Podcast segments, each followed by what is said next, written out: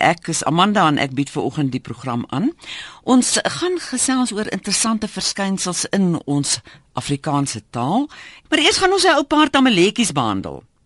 En uh, Louis Ferreira van Pretoria, ek hoop jy luister vanoggend want uh, jy het 'n navraag aan Magdalene Kreur gestuur oor uh, ja, die los en die vasskryf van woongebiede se name in Pretoria.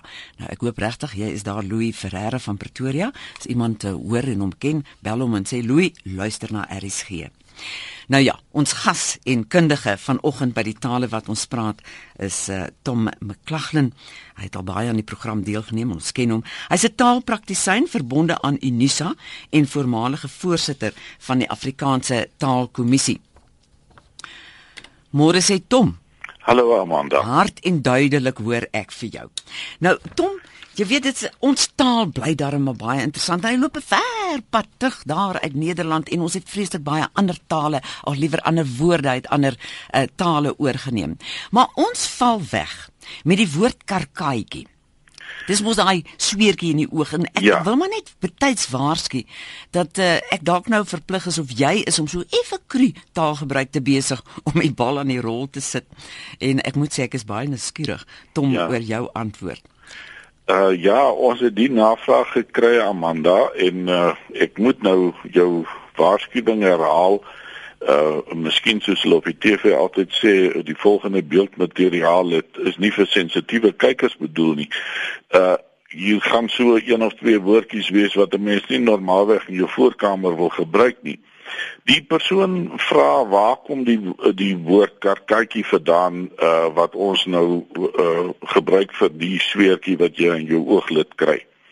Nou dis nog 'n interessante ding uh want hy die navraer vermeld self dat uh die etimologie woordeboek van Afrikaans sê dat dit waarskynlik en ek dink 'n mens moet beklemtoon dat dit waarskynlik is um 'n eufemistiese vorm is met anderwoorde een wat wat vir ons dit 'n bietjie besagter op die oor maak uh, van die bekende Nederlandse woord vir dieselfde seertjie naamlik 'n strontjie. Nou uh in die eerste plek dink ek nie moet 'n mens uh in die in die Nederlands dit noodwendig sien as 'n verwysing na na ontlasting of iets nie uh as ek het nou so 'n bietjie gaan naslaan in die Nederlandse die groot Nederlandse woordeboek die WNT en as 'n mens nou daarin kyk dan sien jy dat stront baie ver teruggaan tot in uh die voorgeskiedenis van ons taal en en van Nederlands ook. En dat dit die grondvorm daarvan beteken iets styfs En een van die betekenisse van stront in Nederlands of dit nou in presies dieselfde vorm is en of daar miskien 'n klinker verandering plaasgevind het, is nie nou ter saake nie, maar is 'n uitloper van 'n plant, 'n plantuitloper. Nou as 'n mens nou dink hoe die seertjie vorm, dan is dit heel moontlik dat dit lyk soos 'n klein 'n uh, 'n uh, 'n botseltjie wat begin ontstaan. Uh en dit is waarskynlik waar strontjie vandaan kom. Nou die WNT gee nie 'n verklaring van hoekom die Nederlanders daardie naam gebruik vir die seertjie nie of die sweertjie nie. Maar in Suid-Afrika het dit waarskynlik 'n betekenis gekry wat vir die mense onaanvaarbaar was en nou word daar bespiegel dat 'n verdere vorm van eufemisme plaasgevind het en dat hulle 'n vorm van kindertaal gebruik het uh om strontjie te vervang en dit het geword kakatjie. Uh en daarvandaan af het dit ontstaan het, het daar 'n r ingevoeg gekom uh en dit het karkatjie geword. Nou ek moet sê volgens alles wat ek nou kon probeer naslaan daaroor bly dit maar 'n bietjie spekulasie. Wat vir my interessant is is dat karkaitjie af behalwe die betekenis van 'n seertjie aan die ooglid ook 'n plantnaam is. En daardie plant het verskillende beteken uh, verskillende volksname. Die een is karkaitjie, die ander een is karkei. En dit kom van 'n uh, koi woord. En nou die woordeboeke sê dit word uh, kan uitgespreek word met 'n soort suigklank wat ek nou nie eers wil probeer namaak nie, maar sê net maar dis iets soos karkai. So ons het die woord in Afrika in die Suid-Afrikaanse omgewing het ons karkai gehad as 'n plantnaam. En ek sal my min verbaas as daar eers tussen kakkaitjie en karkaitjie uh, betekenis verwisseling plaasgevind het. So die navraag ek moet op jou end sê kyk ek is geen etimoloog nie En volgens die bronne wat ek nagespoor het, uh is daar nie 100% sekerheid nie. Dit is waarskynlik 'n eufemistiese vorm van die Nederlands. Maar ek, soos ek sê, sal my min verbaas as daar ook 'n verband is met met hierdie plant wat terloops die woordeboeke sê ook uit 'n knoppierige vel, 'n uh, uh, stam. So die feit dat daar dalk 'n verband gelê is tussen 'n karkai of 'n karkaitjie die plantnaam en en die uh, sweertjie aan jou ooglid is wat my betref nie onmoontlik nie. Ek wil net 'n vinnige laaste ding daaroor sê die die navraag uh meld dat die etimologie woordeboek van Afrikaans praat van 'n klemverskywing en hy interpreteer dit of sy interpreteer dit as 'n betekenisverskywing. Uh ek dink nie dit is die geval nie. As hy weer kyk, sal hy sien daar is aksenttekeninge dit uh, op op van die a's. Dit gaan oor die feit dat uh in karkaitjie die hoofklem van die woord op die tweede lettergreep val en in kakkaitjie dit op die eerste lettergreep val. Dit dink ek is die is die klemverskywing waarvan die EWA praat. Baie dankie en dis Tom McLaughlin, 'n uh, taalpraktisyn verbonde aan Unisa en voormalige voorsitter van die Afrikaanse Taalkommissie wat vanoggend ons taalnavrae beantwoord hier in die tale wat ons praat. Ek is Amanda Olivier. Tom, ek wil net vinnig sê en ook vir ons luisteraars, ek net so vinnig gaan loer na boererate en so waar by karkaatjie staan die volgende. Vir 'n karkaatjie op die oog trek die ster van 'n klein katjie sewe keer oor die oog. ja, so terloops die die navraer het ook gevra wat het dit met 'n kar en met 'n kat te doen. En dit is natuurlik absoluut niks. Dit is bloot toevallige ooreenkomste in die in die spelling. Dit is nie 'n samestelling van kar plus kat plus die uh, verkleiningsuitgang ek sê mos die taal bly interessant hierdie taal ja. wat ons praat. Nou ja die vaders ouers het groen of suur druiwe geëet en die kinders se tande het stomp geword Ja, hier uh, die uh, navraag uh, gewonder of daar 'n uh, uh, uh, werklike verband is tussen tande wat stomp word en en die vaders wat groen druiwe geëet het. Dit is 'n uh, spreek wat uit die of 'n spreekwoord wat uit die Bybel kom en soos hy tereg sê, hy gee hier twee verwysings na een na Jeremia en een na Esegiel. Nou die konteks lyk dit vir my is uh, dat Jeremia sê en maar gesê het vroeër het ons gesê as die vaders groen druiwe eet word die kinders se tande stomp. Maar ek sê nou vir julle in die vervolg sal dit wees die een wat die groen druiwe eet sy eie tande sal stomp word. En ek het nou gister toevallig uh, is my vriend Ernst Kotse is nou besig uh, hierdie naweek saam met die Bybelvertalers en ek het hulle 'n bietjie geraadpleeg en hulle bevestig dat uh dit min of meer die betekenis is naamlik dat ehm um, die die sondes van die vader sal nie aan die kinders besoek word nie om dit nou so te stel. Jy sal die wrange vrugte pluk van jou eie dade. Dit is min of meer die betekenis. Nou in die uh, oorspronklike taal is die betekenis van daai stomp word inderdaad so soos wat mense tande as jy nou baie oud is, miskien nie meer uh, jy weet al 'n bietjie afgekners en afgeknaag is. Maar wat nou interessant is is dat een van die uh chemiese bestanddele van groen vrugte, soos druiwe, is glikolsuur.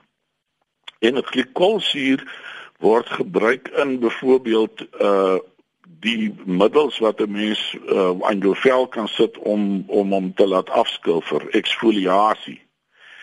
Uh miskien sal die dames daar meer weet van hierdie soort dinge as as die manne. Maar dit is met ander woorde 'n suur wat uit groen druiwe verkry word. Dis een van die bronne van van van glikolsuur is is uh groen druiwe. Bedoelende onryp druiwe. En jy weet as 'n mens so iets so 'n uh, uh, onryp vrug eet, dan is dit baie dikwels frank. En daai frank gevoel in die mond het baie keer vir jou laat voel dat daar iets is met jou tande. Ek het nou uh ook gekyk in wat die ander uh vertalings die Engels sê byvoorbeeld uh the children's teeth are set on edge Nou as jy kyk wat set on edge beteken, teeth set on edge, dan is dit om jou uh it makes one physically uncomfortable. En daar's verskeie ander uh, vertalings wat ek gekry het. Die een wat gesê het you eat green apples, you're the one who's going to get sick. So jy weet hy het dit is nie werklik waar dat jy sê net maar op iets hard soos klippe of grys of wat koue in jou tande letterlik stomp word nie maar dit is daai gevoel wat jy in jou mond kry van iets wat baie frank of baie sterke suur elemente het uh en ek dink dit is wat die uh uitdrukking beteken. Hmm, baie interessant, baie dankie Tom. Onthou jou taalnavraag kan jy ook stuur aan Magdalene Kreer wat die program aanbied en dan hou sy dit bymekaar en so mettertyd word dit bespreek en haar e-posadres is magdalene@rsg.co.za. Nou van Magdalene gepraat, sy het 'n uh, vorige keer voorgestel terugsny en voorsny vir 'n uh, backslash of forward slash uh, min of meer vertaal uit Engels. Nou Tom, sy sê ons soek na nuwe kortwoorde in Afrikaans wat maklik deur almal verstaan sal word. En die vraag is sou skeilyn links en skeilyn regs nie meer beskrywend wees nie. Ja, jy weet uh, Amanda wat mense nou moet onthou wanneer sulke soort terme as dit ware geskep word is dat dit iets moet wees wat redelik maklik ingang vind by die by die uh sprekende gemeenskap. Ehm um, ek dink aan iets soos uh die die term vuurtrek wat uh eintlik eensklaps uh, in die taal ingekom het vir 'n 4x4 voertuig. En dit is die soort ding waarna mense eintlik soek, iets wat onmiddellik uh ingang vind. Nou daar is verskeie formele name vir die backslash en forward slash of net 'n slash en 'n backslash. Die amptelike name daarvoor is 'n solidus en 'n trisolidus. Nou dit is 'n dit is woorde wat 'n mens kan gebruik in sou ek sê redelik formele omstandighede of as jy nou baie gesteld is daarop om om korrek te praat.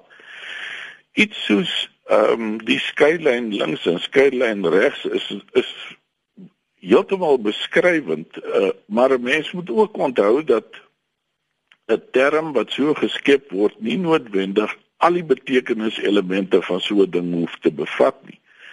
Uh julle kollega Kobus Bester het nou eeroggend gepraat van 'n voorslag en 'n trieslag en ek het nogal gedink dit dit sou uh, goed wees wat redelik goed kan werk want dit is uh eintlik voorslag ken ons baie goed maar ons gee hom nou hier 'n nuwe betekenis en uh ons skep daarna trieslag maar uh of skeilyn links en skeilyn regs ingang gaan vind is iets wat 'n mens eintlik net kan bepaal wanneer dit uh wanneer jy dit as dit ware gebruik gooi daar buite hmm. en begin gebruik en kyk of die mense daarvan hou of nie. Nou kom ons kyk hier so na die luisteraars vraag Louis Fourie wat ek genooi het om saam te luister hoop hy die boodskap gekry en hy luister saam. Louis sê ons woon in Pretoria in 'n area met die naam Waterkloof Glen en in ons gebiede is daar baie woongebiede wat eindig met Glen Park, Rif, Rand byvoorbeeld Waterkloof Glen, Elardus Park, Moreletta Park, Wingate Park, Fairy Glen, Linwood Rif, Erasmus Rand. Mm. Sommige is vas en sommige is los. En die vraag is nou, hoe moet ek weet wanneer word daardie name as een woord Wingate Park en wanneer word dit as twee woorde geskryf soos Waterkloof Glen? Is daar 'n spesifieke reël? Wel, uh eintlik as ek bevrees moet ek vir meneer Fourie sê daar's geen manier waarop 'n mens eintlik regtig waar dit kan weet of sommer kan aflei nie uh behalwe om dit na te slaan want dit hang af van hoe die naam uh as dit ware amptelik goedgekeur is. Nou in die verlede was daar die uh, sogenaamde plekname komitee wat deesdae die uh Raad vir Suid-Afrikaanse Geografiese Name heet. Ek is nie heeltemal seker hoe hoe die raad uh werk nie maar in die ou dae het die het die het die plekname komitee het onder andere 'n plekname lys uitgegee waar 'n mens uh die soort van goed kon naslaan en wat jy hulle beginsels kon sien.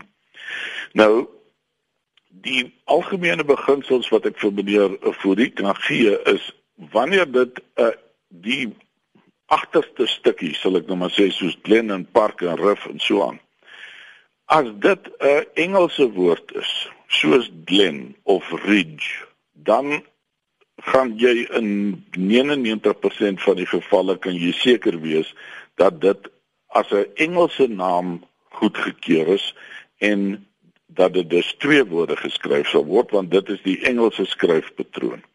As dit 'n Afrikaanse woord is, so sê nou maar rand of of rif, dan kan jy seker of feitelik seker wees dat dit ehm um, een woord sal wees. Met ander woorde iets soos Erasmus Rand sal jy nooit twee woorde skryf nie. Die een wat die meeste probleme gee is park want hy kan in Afrikaans of Engels wees. Nou hier in in, in Pretoria rond het jy byvoorbeeld Menlo Park wat twee woorde is. Dit is dus as 'n Engelse naam goedgekeur. Daarteenoor jy Monument Park wat een woord is, Wingate Park wat twee woorde is, Moraletta Park waarskynlik een woord. Ek het hom nou nie vanoggend nageslaan nie. So as 'n algemene reël kan ek sê meneer Fourie as as dit 'n Engelse woord is wat agterna staan soos Glen of of iets dergeliks dan kan u feitelik seker wees dit sal twee woorde wees. As dit 'n Afrikaanse woord is, kan u feitelik seker wees dit sal een woord wees. En by park dink ek moet 'n mens nou maar 'n kans waag en probeer kyk uh of die kombinasie waarskynlik Engels of waarskynlik Afrikaans is. Iets soos 'n uh, monumentpark sal waarskynlik Afrikaans wees. Maar Wingate Park is waarskynlik Engels. En daarom hmm. as jy nie kan naslaan nie, dan uh is dit maar 'n kans wat jy moet waag. Maar daar is nie werklik ware vaste reël wat 'n mens kan sê dit moet altyd so of altyd so wees nie want dit hang af hoe die uh naam amptelik uh goedgekeur is. Ehm um, as 'n mens nie so iets soos die amptelike plekname lys in die ou dae in die hande kan kry nie, die goed is so skaars soos hoendertande. Uh is iets soos 'n soos 'n poskode lys nogal 'n redelik betroubare ding of dit was vroeër in elk geval. Maar ek dink dit is 'n redelik betroubare uh, naslaanbron Program staan einde se kant toe en uh, bly ingeskakel vir uh, hoe verklaar jy dit net hierna. Ons en baie dankie vir almal wat SMS'e gestuur het en e-posse gestuur het. Jy laas dan gaan nie tyd wees om almal te hanteer nie, maar gaan tog kyk na hierdie enetjie. Ek weet nie uh, Tom luister na hierdie interessante een. My ma sou gesê het en dit is hoe sy groot geword het met hierdie taal of die woord wat haar ma gebruik het. Gryp die kat by sy lurwe en gooi hom by die deur uit of pak die uh of, of sê die kind wat verveeld is by sy uh, pak hom by sy lurwe en sit hom daar buite dat hy kan gaan speel. En uh, die persoon sê toe ek die woord gebruik, wou my mense weet wat se snaakse woord is dit nou. Dis L U. Moet sê dit is vir my ook 'n 'n 'n heeltemal 'n nuwe woord. Luister nou, Tom sy sê of hy sê, ek het die woord opgesoek en gevind dat dit 'n Wes-Friese woord is wat skouers beteken. Wat wat beteken? Skouers. So gryp die kat by sy skouers of vat die kind by sy skouers en sit hom uit laat hy kan gaan speel. Nou daar's ietsie Tom dat jy 'n bietjie vir ons kan kan verder kyk daarna. Ja, baie dankie. Ja, en dan is hier ehm um, miskien kan jy net weer sê want ek dink baie mense gebruik dit verkeerd. Hier sê tannie Drini van Benoni sê uh, sy het geleer kos smaak en 'n mens proe, maar uh, kos het nie 'n tong om te proe nie, verduidelik asseblief. Juis. Ek uh Jong, as mense die goed het nou in die laaste tyd 'n bietjie deurmekaar begin loop en as mense nou in 'n woordeboek gaan kyk, dan sal jy sien dat hulle dit nou al begin erken. Maar ek stem met die dame 100% saam. 'n Mens kan proe en iets kan smaak. Uh daar in die Weskaap waar ek groot geword het, het hulle partykeer gesê, "Man, ek smaak jou, maar dan beteken dit ek hou van jou." maar uh, dit was nou half uh, jy weet algemene omgangstaal maar in die in die uh gewone spraakwêreld van van standaard Afrikaans is dit so dat kos smaak en ek proe hoe dit smaak of 'n mens proe hoe dit smaak jy kan nie sê die kos proe lekker nie dit is wat my betref hoewel ek weet daarvan my kollegas is wat van my sal verskil Uh, Tom, ek het uh, toe ek die program begin het, het ek iets gesê van ek besig die taal of ons besig die taal. En en dit is hoe ek nogal groot geword het. Ons het baie die woord gebruik. Nou vra Cathy hier, ehm, um, hoe kan mense taal besig? Besig het tog 'n ander konteks. Die woorde wat uh, hy besig het nie net een betekenis nie. En hier word hy gebruik as 'n as 'n oorganklike werkwoord. En dit is maar dis maar net 'n 'n bietjie 'n uh, kom ons sê nou maar 'n formeler of 'n deftiger woord as as praat, uh, jy weet uh, of gebruik. En dit is dis heeltemal uh, in orde en baie bekend. Daar sê, ja, sekere woorde sterf so bietjie uit en ons het baie ja. nuwe woorde bygekry. Ja. Maar nou ja, soos die vrou met lurwe groot geword het, het ek met besig groot geword en ja. en dit is nie iets wat sommer uit ou se gestel uit beweeg nie. Nee, inderdaad nie. Dis half 12 Tom McLaughlin, taalpraktisyn verbonde aan Unisa en voormalige voorsitter van die Afrikaanse Taalkommissie. Baie dankie dat jy nou vir ons die afgelope 20 minute weer op die hoogte gebring het van ons taalgebruik en uh, ons so weer bietjie ingeskerp het. My plesier, dankie Amanda. Dankie. Lekker dag verder. Dankie, totsiens. En dit was dan die tale wat ons praat. Volgende week is Magdalene Kreur weer terug en stuur jou taalnavraag of enige gedagtes wat jy het aan magdalene@rsg.co.za. Ek is Amanda Olivier.